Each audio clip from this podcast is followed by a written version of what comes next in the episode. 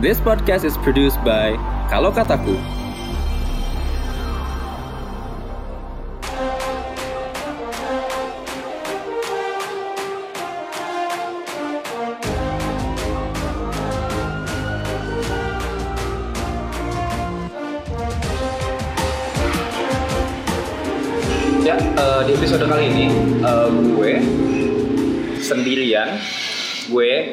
Halo semuanya, gue sendirian em, lagi di Jakarta, abis abis dari abis dari PTUN sementara ya, PTUN sementara, eh, lokasi sementara di Rawamangun sebelah kampus UNJ, Eh, lagi sama teman-teman dari teman-teman dari UI, teman-teman dari UI yang baru aja eh, selesai sidang menggugat Menristek Dikti terkait eh, terkait eh, penunjukan eh, banyak eh, penunjukan beberapa eh, anggota MRAUI ya.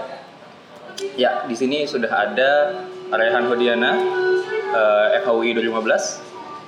Eh, silakan ngomong Rehan. Oh, gua ngomong mulai Iya, ya? biar Oke, ngomong. siap. biar biar ketahuan suara lo yang mana. Oke, gitu. siap. Ya. Halo semuanya, kita Halo semuanya, gua Raihan Hudiana, FAWI angkatan 2015. Dan di sini juga ada Bimo dari eh Bimo apa? Gue lupa nama. Maulidianto. Mo, Bimo Maulidianto dari Via UI 2015. Halo, gua Bimo. Bimo Maulidianto Putra Bono, di tepatnya dari Fakultas Ilmu Administrasi eh, Program Studi Ilmu Administrasi Negara. Ya. Iya, siap. Bagaimana eh, kabarnya hari ini? Alhamdulillah. Alhamdulillah, baik ya kita. Sehat-sehat, alhamdulillah. Masih berada di sini untuk Untuk eh, meladeni, gua wah. meladeni. Masih nunggu kopi ya? Masih nunggu kopi. Masih nunggu kopi ya. Eh, kita di sini eh, pengen ngomongin soal em, satu ngomongin soal satu kasus yang sedang ya satu kasus yang sedang digugat oleh teman-teman di sini ya. Ada ada empat orang penggugatnya ya. Ada Ada empat orang. Ada empat orang. Ada Raihan Hudiana, Saya, ada Bimo, Maulidianto, ada Satria Aditama. Aditama, dan Alfian Tegar dan Prakasa. Alfian Tegar Prakasa. Ini udah mulai sejak kapan sebenarnya? Bulan April ya? Kalau kita mulai ngajuin gugatan pertama itu April. tanggal pertengahan April lah setelah keluar SK kita ngajuin keberatan Keberatan dulu. Keberatan dulu waktu ke ke Menristek ke Menristek lah sama Sekretariat Negara. Iya, lewat ya, Presiden. Sekretariat Negara. Oke, eh, berarti sejak April itu sejak SK Menristek Dikti keluar. Yes, Ya, tanggal Boleh 23 tuh, tanggal Boleh di boleh diceritain nggak dari awal dari awal bangetnya itu kayak gimana? Oke. Lu dulu apa gua dulu, Bin? Lu dulu lah, boleh. ya? Gua Oke. nanti namanya. Nah, jadi kronologinya ya bisa dibilang pertama tuh kita tahu berita tentang MWA ini lewat kanalnya MWA UIUM waktu itu. Waktu itu habis keluar beritanya itu tanggal berapa ya? Lu- Lupa gua tanggal Akhir 20-an Maret, lah. akhir Maret dan awal April ya. Iya, enggak enggak kebalik kebalik. Eh, Iya, akhir Maret dan awal April. Ah iya benar-benar. Waktu itu eh, keluarlah beritanya, terus kita kaget sih sebenarnya karena ternyata nama-namanya tuh yang apa yang kita ya. khawatirkan itulah. Siapa aja tuh? Siapa aja? Eh, yang paling mengkhawatirkan, mengkhawatirkan yang paling menurut kita nggak nyaman dalam tanda kutip gitu ya itu ada Pak eh, Saleh Husin, Saleh Husin. Dan Ada Pak Erick ya, Thohir. sangat, sangat itu yang Nah. sangat dan mungkin sebenarnya nggak kita nggak nggak cuma Rehan dan nggak cuma gua yang mungkin merasakan kejanggalan itu tapi kayaknya banyak sih yang Warga. UI warga UI cukup mostly ya karena dilihat dari Track eh, record ya. Iya, terus Pada dilihat saat dari itu lagi menjabat sebagai tim pemenangan salah satu iya itu masih running waktu itu ya kan? masih running tim presiden Iya. Itu April 2019 ya. Iya. April 2019 memang masih pemilu waktu itu. Eh, bahkan dia terpilih di bulan Maret Iya di bulan Maret. Di bulan Maret. SK-nya terpilih jadi ketua tim maksudnya. Uh, No, no, no, no. Oh, itu MWA-nya. MWA-nya. MWA-nya, itu dari awal tahun bahkan udah namanya terjaring Iya, iya. sampai penetapan MWA usul masyarakat itu sekitar Februari dan Maret karena SK men- eh, SK tanggal 26 Maret. ya SK-nya itu terbit tanggal 26 Maret. Berarti kan asumsinya sebelum itu proses itu sudah dilakukan dan nama-nama tersebut sudah ada gitu. Jadi eh, kalau kita recap eh, MWAUI baru aja terpilih bulan Maret, Ya, bulan Maret eh, diumumkan salah satunya itu Erick Thohir Dan- dan, Saleh Husin. Betul. Oke, kita kita akan bahas dua itu aja nih. Sebenarnya Sebenarnya ada, ada, lagi, lagi. ada lagi yang lain. Tapi kita kita mulai dari dua ini dulu. Mulai dari dua itu dulu. Oke.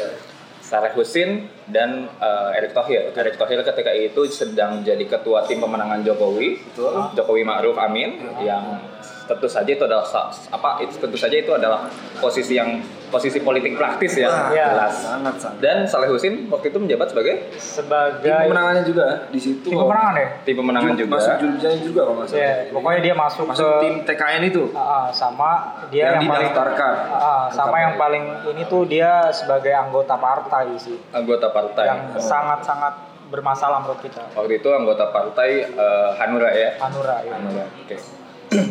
Lalu kemudian baru eh, ditunjuknya bulan Maret, lalu kemudian rame-ramenya bulan April berarti ya. Iya bisa dibilang gitu sih rame-ramenya bulan April. Rame-ramenya bulan April, kemudian dibahas di jagat politik Ya. kampus UI, baru kemudian eh, empat orang ini, kalian ini, kalian ini kemudian bergerak di bulan April juga. Iya bulan April. Bulan April sampai sekarang berarti udah April, bulan ya. Bulan. Lima bulan ya kita. Ya lumayan lah lumayan. luar biasa ya Em, itu itu kita apa dari situ aja kita udah bisa ngelihat eh, eh, dari situ aja kita udah bisa ngelihat sebenarnya ada kejanggalan gitu tapi boleh diceritain diceritain lebih jelas nggak sih secara teknisnya sebenarnya kejanggalan terus kemudian yang yang yang kemudian digugat dari kejanggalan-kejanggalan itu yang kemudian digugat itu apa Oke, gua mulai kali ya. Ya. Ya. Pertama yang tadi udah kita jelasin, sebenarnya itu ada beberapa nama yang kita permasalahin. Sebenarnya selain daripada dua orang yang tadi kita sebut juga ada Ibu Sri Mulyani sama Pak Babang Brojonegoro. eh sorry mungkin eh, sebelum ke sebelum ke sana mungkin harus agak harus agak diedukasi dulu kali ya pendengar kita kali ini jadi Gimana tuh? semua PTN di Indonesia itu semua PTN BH di Indonesia itu Hmm, iya, iya. semua PTN ber, apa badan hukum di Badan Indonesia, hukum ya. di Indonesia. salah satunya UI, salah UI. satunya yang paling pertama Betul. itu punya yang namanya Majelis Wali Wali Amanat dan itu ada berapa Majelis Wali Amanat itu di dalam Majelis Wali Amanat itu ada berapa Itu ada 17 ada 17 Di UI ada 17 dari ada 17. berbagai unsur. dari berbagai unsur. Ada unsur dosen, ada unsur masyarakat, ada unsur mahasiswa, ada unsur tenaga kependidikan, dan di situ ada unsur pemerintahnya sendiri yaitu Kemenristeknya sendiri termasuk di dalamnya beserta ada uh, rektor di dalamnya. Nah, MWA ini memiliki kekuasaan ibarat kata uh, kalau dalam perusahaan kita mengatakannya itu sebagai ini ya apa sih namanya? Komisaris atau direksi ya? Komisaris. Komisaris lah ya. Atau Komisaris direksi gitu atau ya. direksi intinya yang pimpinan. kemudian apa punya punya punya otoritas untuk Iya. bikin kebijakan di kampus untuk membuat policy itu sendiri.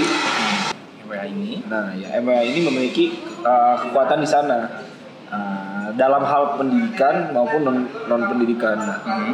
MWA ini di Indonesia yang jadi spesial adalah nggak semua perguruan tinggi negeri, hanya perguruan tinggi negeri badan hukum yang seperti tadi Ave bilang bahwa ada di Indonesia di Indonesia ini kalau nggak salah sih ada 10 PTNBH yang ada di Indonesia gitu dengan berbagai uh, intinya budaya masing-masing di dalamnya kayak gitu. Nah, yang dipermasalahkan di sini berarti yang unsur mana nih? Erick Thohir itu unsur mana? Unsur masyarakat itu Unsur ada masyarakat. Erick Thohir dan Salih Hussein. Saleh Husin benar. Jadi jadi dua-duanya dari unsur masyarakat nih. Ya, Iya. dua-duanya dari unsur masyarakat. Dua di antara sekian. Kita lupa berapa ya jumlahnya. Pokoknya Ada lima. ada lima ya, ada ada lima. Eh dari unsur masyarakat itu ada enam. Ada enam. Ada enam. Nah, beliau itu dua di antara enam itulah. Dua di antara enam itu kemudian Erick Thohir dan Saleh Husin yang eh, yang Masuk di yang, dalamnya yang masuk dan kemudian dipermasalahkan gitu ya banyak Iya. banyak banyak banyak kejanggalan di sana. Oh. Ya, coba lanjut soal cerita soal kejanggalan itu terus kemudian masuk ke gugatannya seperti apa? Oke. Gue cerita lagi ya di awal pertama ya kita tahu gonjang ganjing itu bulan Maret karena emang keluarnya bulan Maret habis itu keluar publikasi warga UI itu mulai bertanya-tanya kok bisa ini ada beberapa orang yang yang kita pun anggap ini bermasalah gitu. Habis itu bla bla bla ramai di medsos bahkan ada yang eh, bahkan ada yang sampai menginterogasi bukan interogasi ya pokoknya cari beberapa bukti lah. Emang bener nggak sih yang kita yang kita khawatirkan ini? Eh, memang mengkhawatirkan lah. Ada yang proses sendiri langsung ke ke partai yang bersangkutan dan dikonfirmasi dari salah sa- seorang anggota di sana bahwasannya Bapak Saleh Husin masih menjabat sebagai anggota di partai Hanura.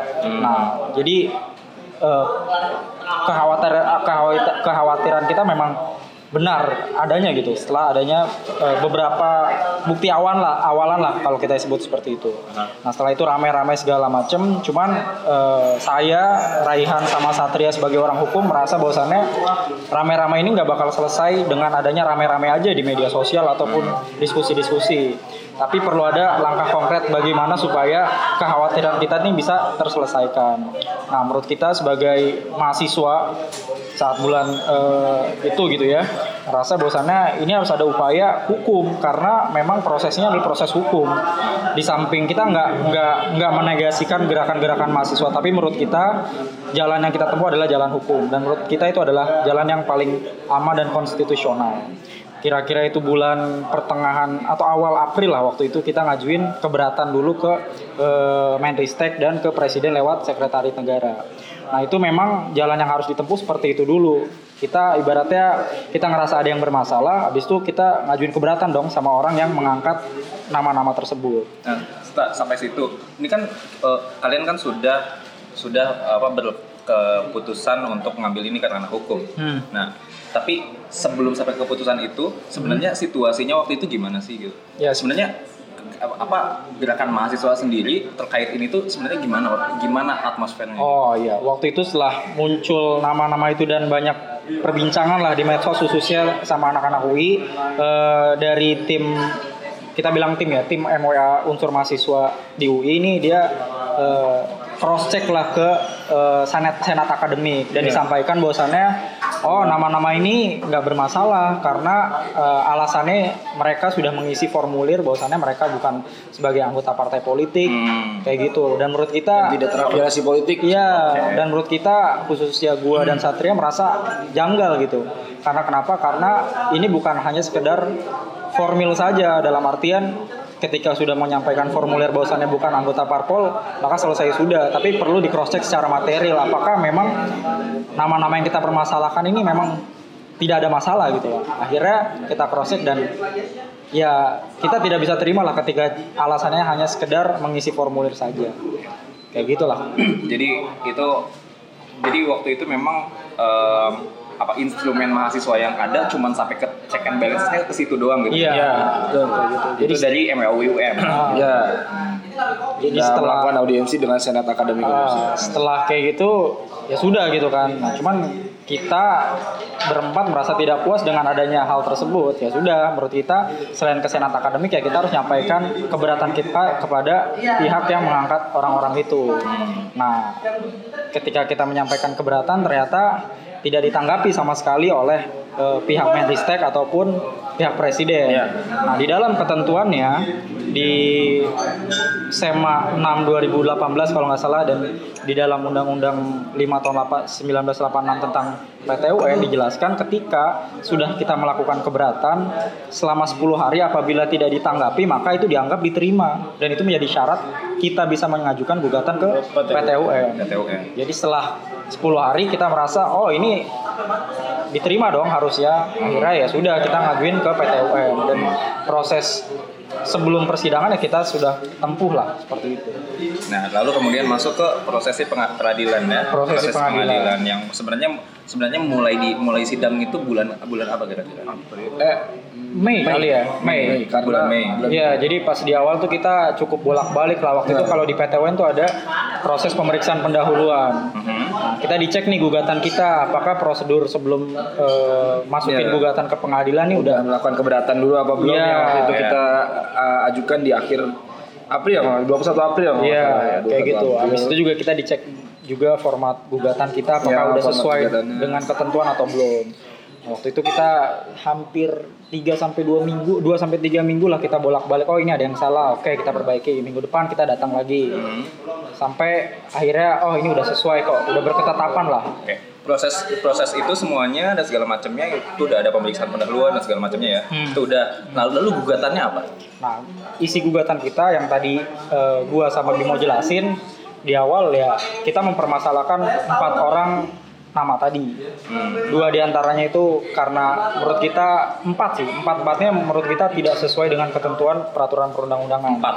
Empat. Empat itu siapa aja? Pertama itu ada Erick Thohir, Ya. kedua itu ada Saleh Husin, ketiga itu ada Bambang Brojonegoro, dan Ibu Sri Mulyani. keempat Ibu Sri Mulyani. Jadi jadi sebenarnya rame-ramenya awalnya cuma dua. Iya. Dulu rame-ramenya cuma dua, tapi kemudian masuk ke gugatan Ada kita empat. apa, Ya. kalian merasa ada empat gitu yang bermasalah sebenarnya gitu. Hmm, Jadi ditambah Bambang Brojonegoro dan eh, Sri Mulyani. Sri Mulyani. Oke. Nah, eh, dua itu bukan dua sih. Ya, pokoknya kita generalisir dulu ya. Pokoknya di dalam statuta UI, undang eh undang-undang peraturan pemerintah nomor 68 tahun 2013 menyebutkan bahwasannya kriteria yang bisa masuk ke dalam eh, MWA unsur masyarakat pertama itu ada beberapa unsur. Eh, beberapa di antaranya menyebutkan bahwasannya dia punya integritas, dia punya eh, apa namanya tuh eh, pemahaman tentang pendidikan tinggi, terus juga tidak memiliki konflik kepentingan dan bukan anggota partai politik. Nah, ini sangat-sangat menurut kita tuh sangat mencolok lah. Bagaimana mungkin seorang ketua tim pemenangan nasional saat itu di- di- dibilang tidak memiliki konflik kepentingan. Kemudian juga Pak Saleh Husin yang yang masih sebagai anggota parpol dianggap bukan anggota parpol. Itu bermasalah. Kemudian eh, eh, Pak Bambang sama Ibu Sri Mulyani kan nih masuknya ke unsur dosen. Nah, menurut kita itu tidak memenuhi unsur dosen karena kenapa? Karena beliau berdua ini masih menjabat sebagai menteri. Yang mana ketika kita tinjau lebih lanjut, status beliau sebagai dosen itu harusnya dicabut. Status beliau dosen yang diangkat diangkat dosen karena sebagai PNS harusnya dicabut. Karena kenapa? Karena menjabat sebagai pejabat negara.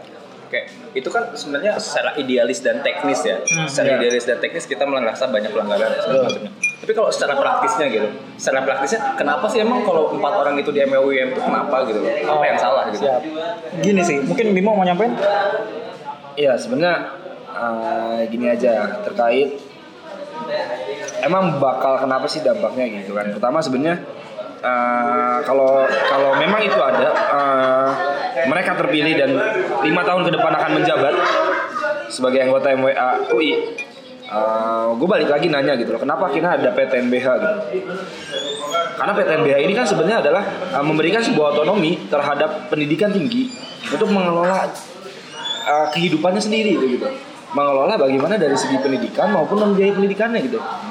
Kan kita tahu bahwa PTNBH itu sendiri uh, tidak mendapatkan asupan dana yang sama seperti perguruan tinggi perguruan tinggi yang lainnya gitu loh. Karena dianggap PTNBH ini mampu mengelolanya sendiri.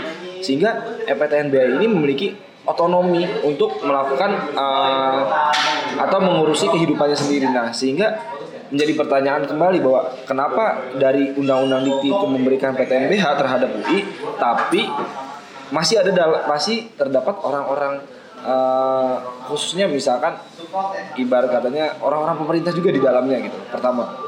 Itu ya kalau misalkan diungkit lagi itu ada beberapa lagi bahkan ada yang menteri juga dimasuk unsur mas- unsur masyarakat lagi Pak Darmin Nasution gitu loh. Tapi melalui mekanismenya kan kami tidak permasalahkan tapi kan di sini sebenarnya bagaimana UI terbebas dari uh, afiliasi politik gitu loh, baik afiliasi politik pemerintah maupun afiliasi politik yang lain sehingga gitu. Uh, khawatirnya kebijakan-kebijakan UI nantinya akan sangat bergantung pada orang-orang tersebut gitu. Kayak gitu. Gua mau nambahin dikit kali ya. Jadi sebenarnya memang MWA ini dirancang ya untuk PTNBH gitu. Pun di MWA memang bisa dibilang ya memang ada unsur pemerintah memang Iya, ada. ada, tapi- Karena memang udah di udah dikasih bagian pemerintah tuh ya hanya satu yaitu Mhm. unsur, pemerintah Menristek Dikti khususnya unsur- di khususnya khususnya di UI ini us- unsur sendiri gitu. Jadi menteri sendiri sebenarnya ada di MWA, Ada, MWA, ada, ada. MWI. Pak Nasir itu sebagai MWAUI anggota juga. Iya. juga. Dan kita- tapi kemudian dia tapi kemudian kelihatannya Iya. kemudian kelihatannya pemerintah masukin orang-orang lain Iya, di- terlihatnya ya karena Iya. kita nggak bisa pungkiri Ya. dengan kondisi yang seperti ini. Iya, jadi menurut kita sangat tidak fair ketika memang pemerintah sudah diberikan porsi untuk eh, bahasa kita apa ya? Memberikan masukan kepada UI mele- lewat eh, unsur pemerintah lewat eh, Pak Menristek tapi nyatanya banyak orang-orang dari pemerintah sendiri yang masuk ke dalam UI itu sendiri. Nah menurut kita itu jadi suatu masalah. Karena memang perguruan tinggi harus terbebas dari eh, namanya kepentingan-kepentingan yang sifatnya non akademis menurut kita. Simpelnya kayak gitu sih. Oke. Ya, itu gugatan gugatannya seperti itu ya, gugatannya seperti itu. Dan kemudian em, praktisnya praktisnya praktisnya kalau em, kampus tidak boleh sama sekali ada eh, kampus tidak boleh sama sekali ada pengaruh politik praktis. Kampus tidak boleh sama sekali ada apa pengaruh yang tidak yang selain akademis di situ gitu. Nah terus sampai sini sampai sekarang nih sampai hari ini sampai hari ini sebenarnya yang udah dijalani itu sampai sekarang tuh apa aja proses pengadilan proses berarti. pengadilannya Oke. Yang tadi udah dijelasin ya, kita kan Gugatan, proses masukin gugatan gugatan udah udah. selesai. Jadi kita sekarang menjalani proses beracara lah dari mulai masukin gugatan, jawaban, replik, duplik, sekarang masuk ke pembuktian Iya, surat. surat. Jadi kita lagi ngumpulin dari pihak penggugat maupun tergugat itu saling mengumpulkan alat bukti. Iya. Mhm. Alat bukti berupa surat dulu Surat dulu. Nanti minggu depan, Minggu depan. agendanya adalah alat bukti berupa keterangan dari Saksi. saksi. Kayak gitu. Nah, tinggal beberapa tahap lagi sih dari saksi ini kita bisa langsung masuk ke ahli ya. Iya. Insya Allah kita juga akan menarik ahli Hmm. dan dari ahli itu mulai kesimpulan dan juga Habis itu putusan. habis itu putusan. Iya, kayak gitu. Memang panjang prosesnya Iya. dari awal dari Mei ya. Iya. Dari Mei sampai sekarang aja udah September. Oh, September ya? Oh iya, benar Iya. September ya. Mei, April, Juni, Juli, Agustus, September. Wah, iya. jalan. Bener gue. Jauh juga gak ngerasa gue. Ibaratnya kalau ini kalau mengandung nih udah udah udah tujuh bulanan lah bentar lagi ya. lagi bentar lagi tujuh bulanan lah ya. Ya begitulah. Nah, ya itu eh, sampai akhir ini Hmm. eh sampai sampai sekarang ini sebenarnya udah eh, kalau kemudian udah kita fast forward gitu ya kita fast forward ke akhir target gugatan itu apa sih? ya pasti target gugatan kita ya kita menang lah. Kita pengen SK itu dicabut untuk beberapa nama yang bermasalah.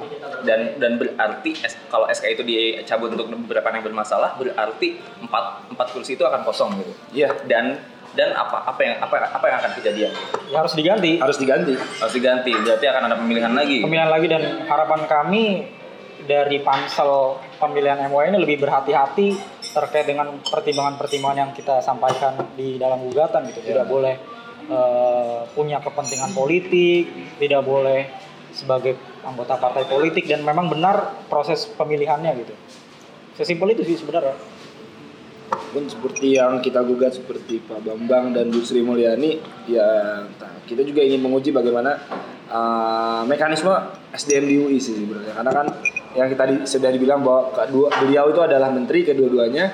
Namun uh, syarat keduanya itu berasal dari uh, dosen. Namun kan kita melihat bahwa kalau dilihat mereka itu memiliki hak sebagai dosen itu dosen yang ASN di UI itu ada S2 SDM dan ada yang pegawai UI ada yang dari ASN Mhm. Nah sehingga kita melihat uh, mereka punya nomor induk pegawai yang di mana mereka itu adalah ASN. Nah ada ketentuannya pasal uh, Undang-Undang Nomor 5 Tahun 2014 tentang Undang-Undang ASN itu menyatakan pasal 88 bahwa ASN yang diangkat sebagai pejabat negara itu harus diberhentikan sementara. Hmm. Nah otomatis yang kita ketahui bahwa beliau masih menjabat sebagai menteri sehingga harusnya statusnya masih diberhentikan sementara dan beliau belum bisa menggunakan hak beliau sebagai dosen seperti itu dan terlebih lagi yang kejanggalan yang lainnya lagi adalah bahwa di uh, ART.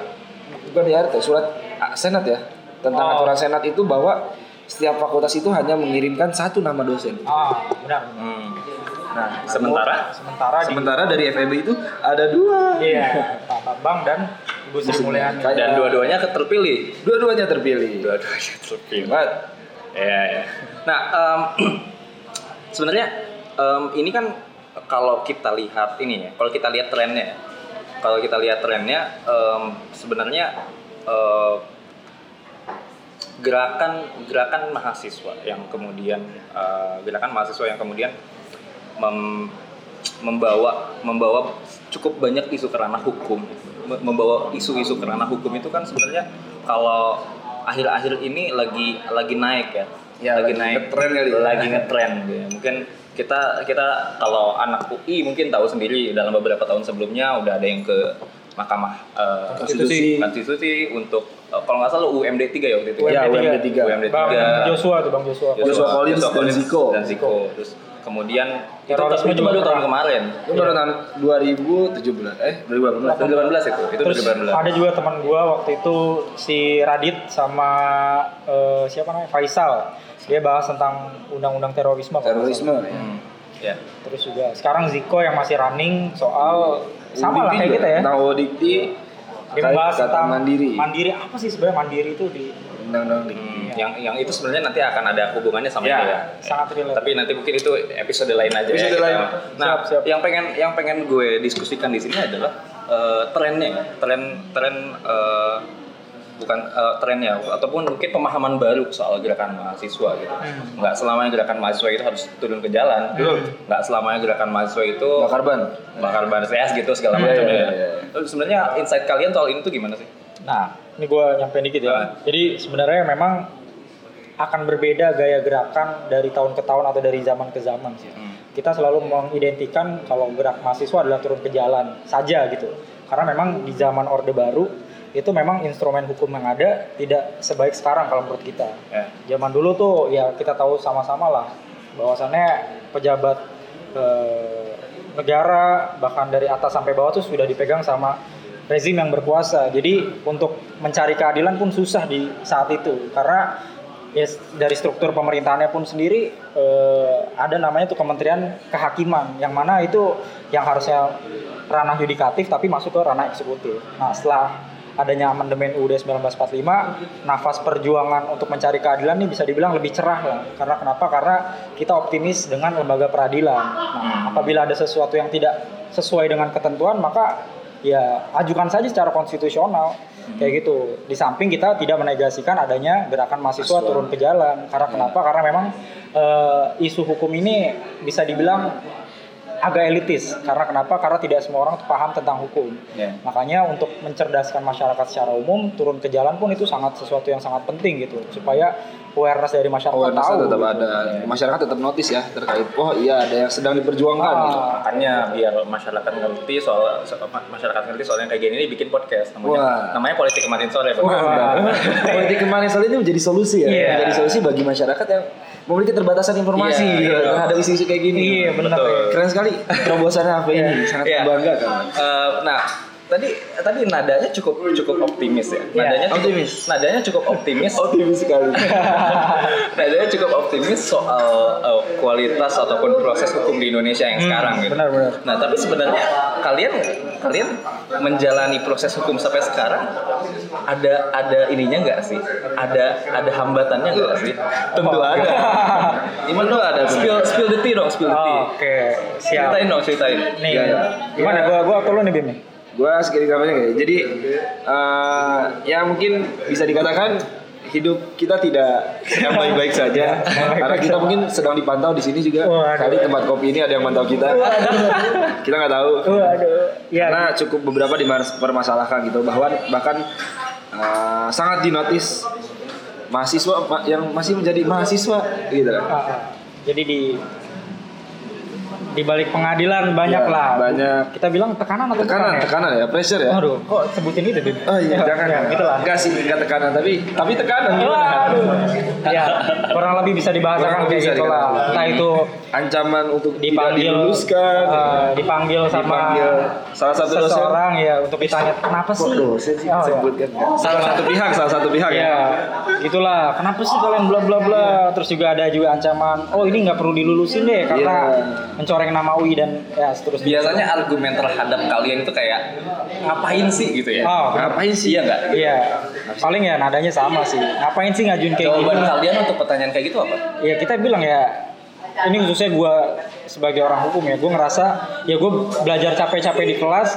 Ketika ada sesuatu yang tidak benar tapi kita diemin aja ya itu berarti gue zolim terhadap keilmuan gue. Wah, itu dia. Sesimpel itu. Nah, ini juga apa ya sebenarnya ibaratnya sebagai laboratorium kita lah Iya. khususnya buat anak hukum. Buat praktik langsung ya. Ya, lu banyak bacot di kelas, belajar bla bla bla, tapi ketika ada masalah lu diem aja menurut gue itu sesuatu yang salah da- dalam proses pembelajaran. Betul, betul. Nah sebenarnya nggak cuman pressure kali ya buat kita yang ada, tapi ada beberapa dukungan gitu loh. Ada beberapa pihak uh, yang cukup mendukung gitu loh. Be- uh, ini di luar pihak mahasiswa ya. Bahwa beberapa mahasiswa memang beberapa kali kita temui juga banyak yang sangat mendukung gerakan ini dan beberapa juga seperti misalkan dosen dan orang-orang yang cukup ahli di bidangnya juga uh, memberikan dukungan penuh gitu terhadap kita. Bener-bener. Cuman memang Cuman memang ya eh, bisa dibilang budaya bukan budaya tapi memang keadaan di kampus kita sendiri sedang tidak baik-baik saja Ya, sedang ketika saja. ada dosen atau pihak-pihak yang ada kaitannya dengan kampus membantu kita yang mana itu bisa dibilang berlawanan dengan pihak kampus ya itu mendapat tekanan juga. ya kurang lebih gitu kita bisa sebut seperti itu Jadi memang kalian di sini bukan nothing tulus ya. Bukan nanti. Ada ada pengorbanan-pengorbanan ya. secara Sangat. secara personal mungkin. Secara Secara, personal. personal sebagai mahasiswa Betul, sisi betul. akademik dan segala macam. Nah, em, menarik Eh, menarik karena itu kan kalau itu kan soal personal kalian ya, itu kehidupan personal kalian. Tapi kalau soal peradilan ini terkait ke apa proses pengadilannya gitu. Ini kan sebenarnya kalian Satria Aditama dan kawan-kawan versus Menristek Dikti gitu.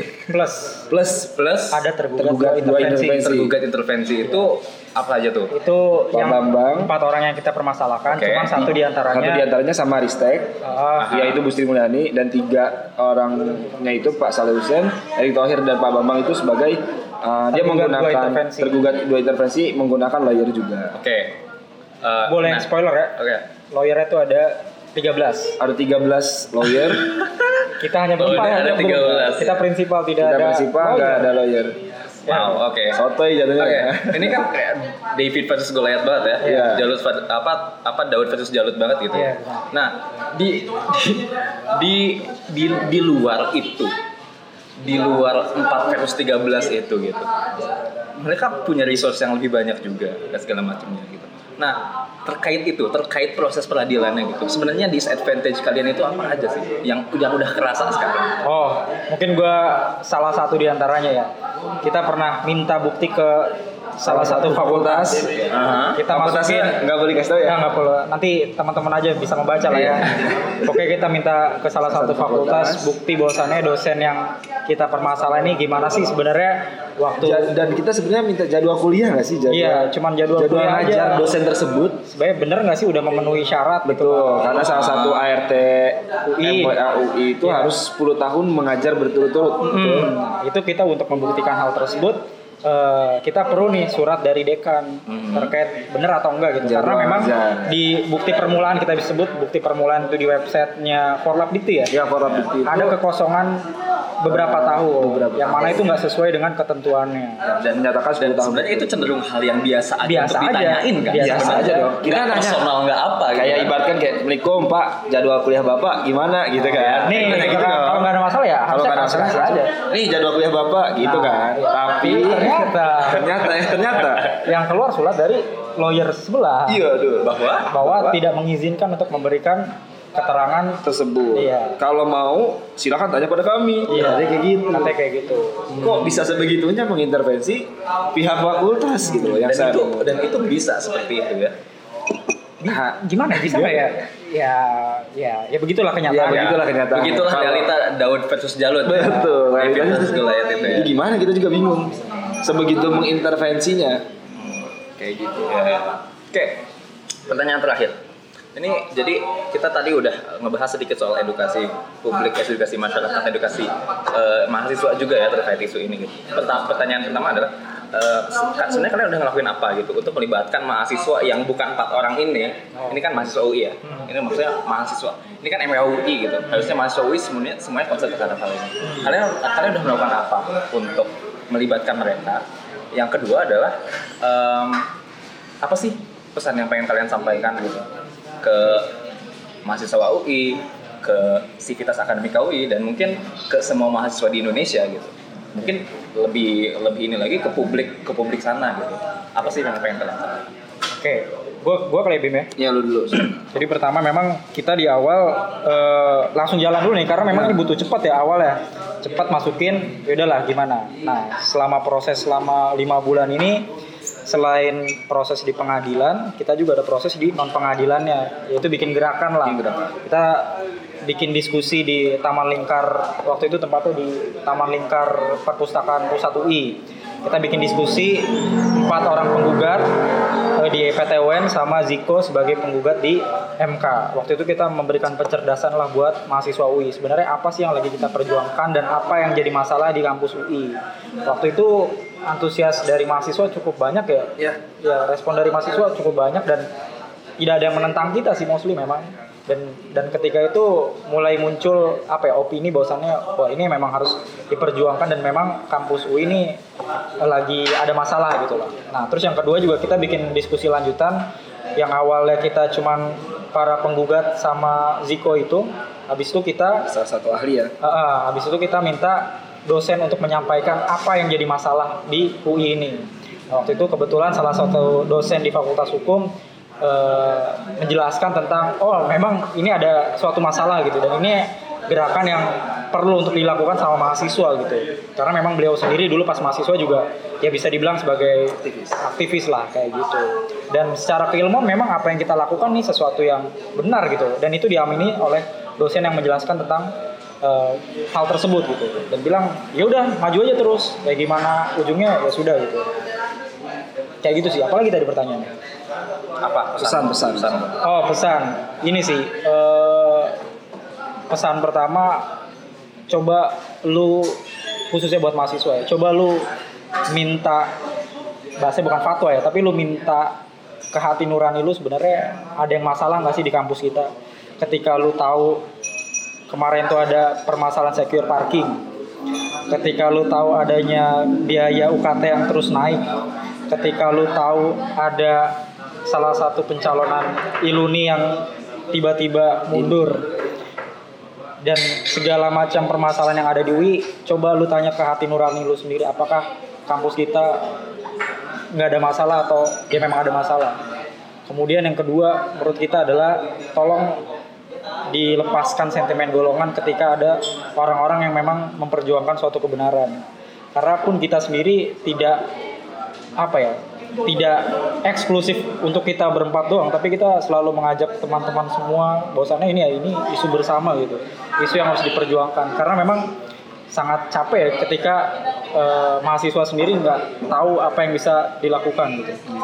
Nah terus juga mungkin gue sangat merindukan masa-masa apa ya pergerakan mahasiswa lah yang digembar-gemborkan tridharma perguruan tinggi bla bla bla segala macam. Ya harapan gue ya mahasiswa memang mau bergerak lah ketika ada masalah yang dihadapi di depan matanya lah kayak gitu. Walaupun sudah bukan mahasiswa kayak sekarang ya. ya bisa dibilang bukan mahasiswanya ketika proses ini ya sebentar lagi selesai sih kayak gitu. Tapi pas masuk gugatan ya kita mahasiswa semua lah ya. Ya. kayak gitu. Mungkin Bimo nambahin lagi? Mungkin dari gua eh, kurang lebih sama kali ya sama Rian. Eh, jangan kalian pikir kampus kita sedang baik-baik saja. Lihat sekeliling kalian, lihat fasilitas yang ada di fakultas kalian atau di kampus kalian. Intinya ada yang sedang tidak baik-baik saja. Nah pertanyaannya, eh, gimana gerakan mahasiswa? Gimana peran mahasiswa? Yang nggak mesti demo, nggak mesti terus ke jalan. Kalau bagi lu penganut kaum kaum yang memang apaan sih demo, nggak merubah keadaan ya, lu bisa lewat kayak gini. Atau lu bisa buat mungkin di keilmuan gue bisa belajar tentang sebuah policy brief yang di mana kita bisa memberikan itu terhadap uh, elitis-elitis yang ada di sana gitu loh. Banyak caranya, jadi nggak nggak berhenti gitu loh. Membuat awareness terhadap uh, publik aja itu udah sebagai bentuk perjuangan dari gerakan mahasiswa yang memang kita uh, memberikan informasi bahwa ada yang salah, ada yang tidak beres kayak gitu. Uh, dan mungkin pesannya terhadap mahasiswa yang lain nggak usah memungkiri deh gitu loh. Uh, nggak usah memungkiri kalau memang ada yang salah. Kalau memang ada yang salah ya silahkan bantu teman-temannya yang sedang berjuang gitu loh. Dan selain itu juga bukan perkara uh, ini kita menghitungkan ada sangkut paut politik dan juga kalian juga berpikir ini politik gitu loh. Kita mahasiswa berempat sampai sekarang aja. Kempot-kempotan ya berempat ya.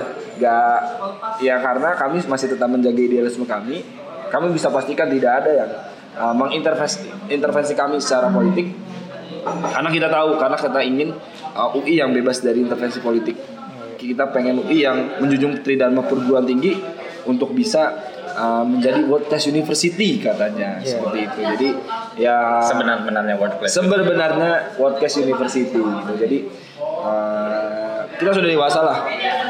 Uh, ini bukan per, ini bukan apa ya? Bukan pasca presiden uh, tidak terpilih. Saya bukan pendukung Prabowo, saya tidak bukan juga pendukung Jokowi. Saya golput. Tapi udahlah itu itu urusan politik. Ini nggak ada sangkut pautnya sama-sama. Kita pengen ngelihat bahwa ada yang salah, ada yang nggak beres ya. Kenapa enggak sih untuk kita perbaiki gitu dan memunculkan sebuah era baru bagaimana gerakan mahasiswa itu bergerak seperti itu. Ya, terima kasih Raihan, Bimo. Semoga semoga lancar semuanya. Semoga semoga eh, tidak ada tidak ada kesulitan yang Iya. Kalau tiba-tiba gue hilang kalian tahu ya. Ini mungkin rekaman terakhir ya. ya setidaknya setidaknya kalau soal akademis sudah selesai ya iya nggak sih Iya. selesai kan Saya masih skripsi. Oh, masih skripsi. Saya takut tidak selesai. Iya, saya takut tidak lulus dari UI. Jadi kalau Iya. gue nggak lulus tahu ya kenapa? ya Alasan. Selamat atas kelulusannya ya Rehan Yo siap. ya doain gue sama Bimo nyusul semester Ya, depan. Amin. Oke kita bisa udah bareng, Pak. Gampang lah skripsi santuy. ya eh, semoga ke depannya di luar kampus pun kita semua masih bisa menjadi diri sendiri Amin. Amin. ya politik kemarin sore sign up